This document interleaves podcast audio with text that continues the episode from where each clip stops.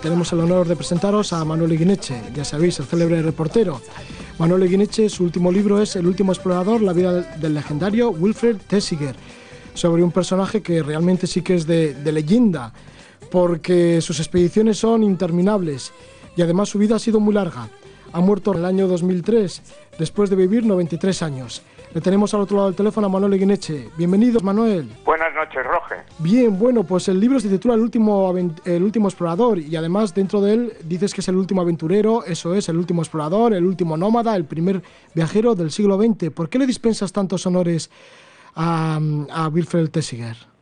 Es muy difícil eh, definir a alguien como el mejor viajero del siglo XX, pero si miramos un poco su currículum y vemos lo que ha hecho, la verdad es que este es un hombre que se merece esos títulos de probablemente, como dice la famosa cerveza, eh, probablemente sea el mejor explorador del siglo XX, el último nómada, pues porque viajó de una manera que ya nadie viaja, porque o parece innecesario, porque todo está o, descrito y conocido, o porque eh, también da la impresión, pues de que de que no merece la pena eh, pasar tantos sufrimientos.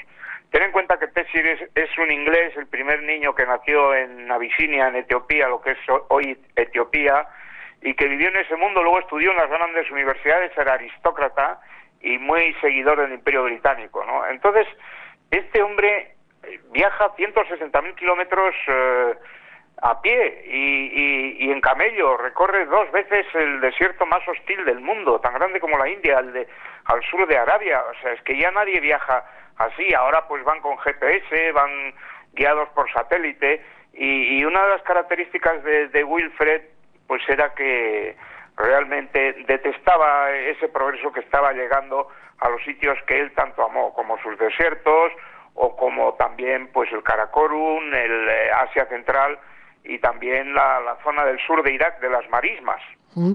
La verdad que la vida de, de Wilfred Tessiger es una biografía que es una novela, pero vamos, increíble, ¿no? Porque como bien dices, nació en 1910 en, en Etiopía, bueno, anteriormente a Abisinia.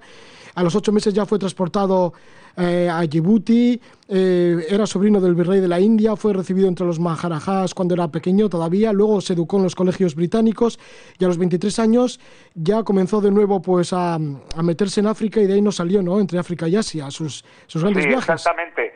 Y él lo que pidió es que terminó prácticamente eh, en, Kenia, ya, ya jubilado, ya retirado, eh, nunca dejó las aventuras, siempre estaba escuchando el rugido de un león, por lejano que fuera, observando el movimiento de las aves, en fin, un gran amante de la, de la naturaleza. Pero ya mm, pues tenía Parkinson, estaba muy viejecito y un poco jodido el hombre, y lo llevaron a Londres prácticamente para, para morir. Yo había quedado con él en que le iba a visitar, pero tonto de mí me creí que era inmortal mm. y pensé que iba a durar toda su, toda, bueno, qué sé yo, otros 30 años o 40 y, y con gran disgusto en agosto del año pasado pues escuché la noticia en la BBC de que había muerto el gran Wilfred Pessiger y con lo cual nuestra cita pues no se pudo cumplir.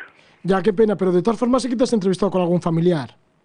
Sí, con gente que le conoció y además no es solo un libro, he pretendido que no solo sea una, una biografía que trato, eso sí, de que sea lo más ajustada posible a la realidad.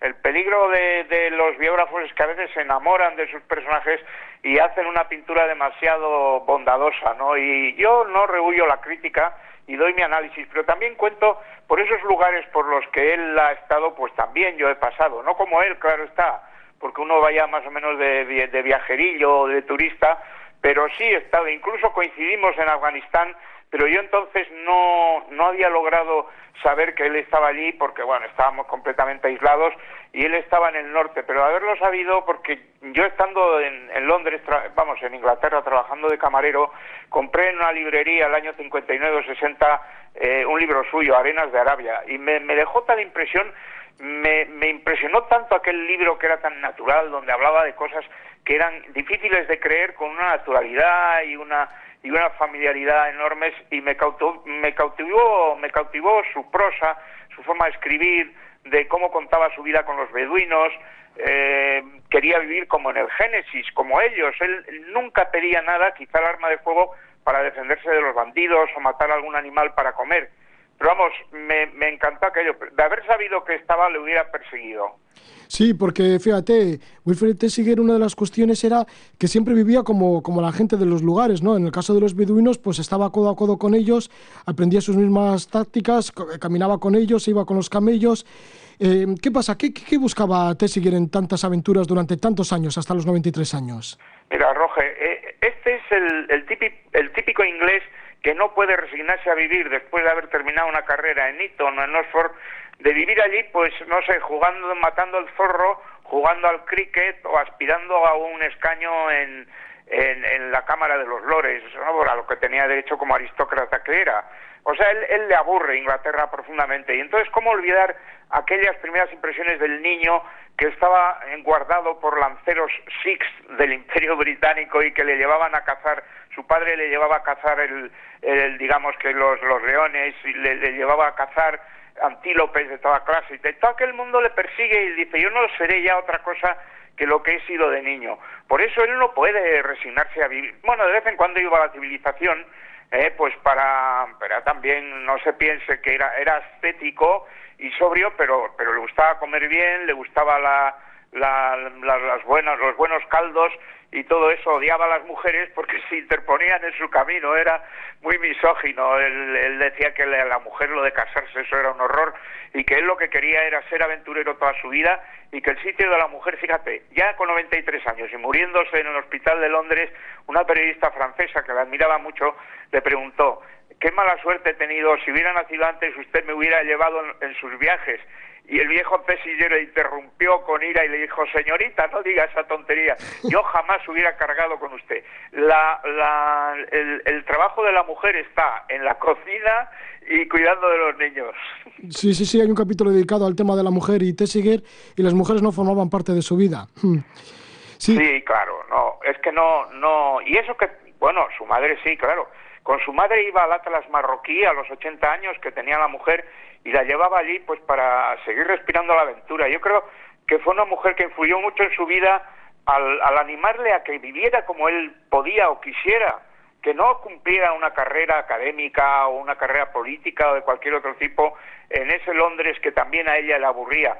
De modo que influyó mucho en ella. Su padre murió joven y, esa mujer iba con él, recorrían, ya digo, sobre todo Marruecos, y estuvieron también en, otros lugares, ¿no? Pero viajaron juntos a los 80 años que tenía ya ella.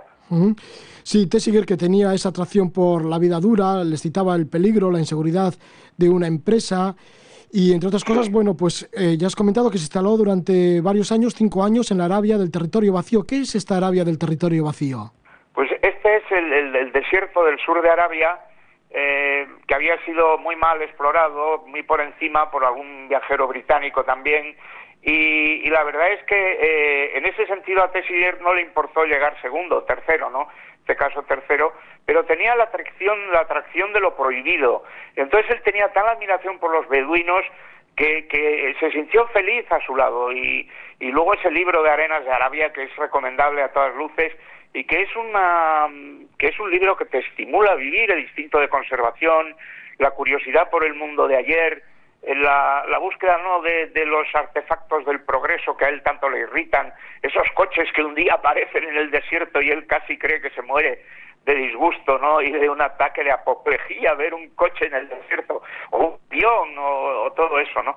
De modo que, que, él buscaba la compañía y él tenía una, tiene una frase que yo creo que le resume muy bien, resume muy bien su forma de ser y su pensamiento, y dice que la, la gente es mejor mm, allí donde se sufre más, es decir, que, que esa especie de vida dura y, y complicada hace al hombre mejor. Esa era su tesis, y la verdad es que él nunca dejó de viajar tanto en, el, en este desierto lleno de peligros por todos lados, temperaturas de, de 80 grados a, flor de, la arena, ¿no? Pero esa poesía también de, cómo hablaban los, los beduinos, él aprende el árabe enseguida, y entonces cómo comunica con ellos, todas las peripecias que les pasan, que son increíbles, ¿no? Entonces, pues eso tiene un valor, de un testimonio que yo creo que lo que pretendí, que era contar cómo viajó este hombre que fue para mí sí lo es el último explorador, aunque luego pues haya otros que hoy mismo intenten, eh, digamos, que seguir sus pasos, pero ya no con aquel descubrimiento y sobre todo con, la, con aquella reciedumbre y aquella sinceridad y aquel ascetismo con el que viajaban, sin nada que le remitiera a un periodo posterior al, que podrían haber sido el que siguió hace unos siglos.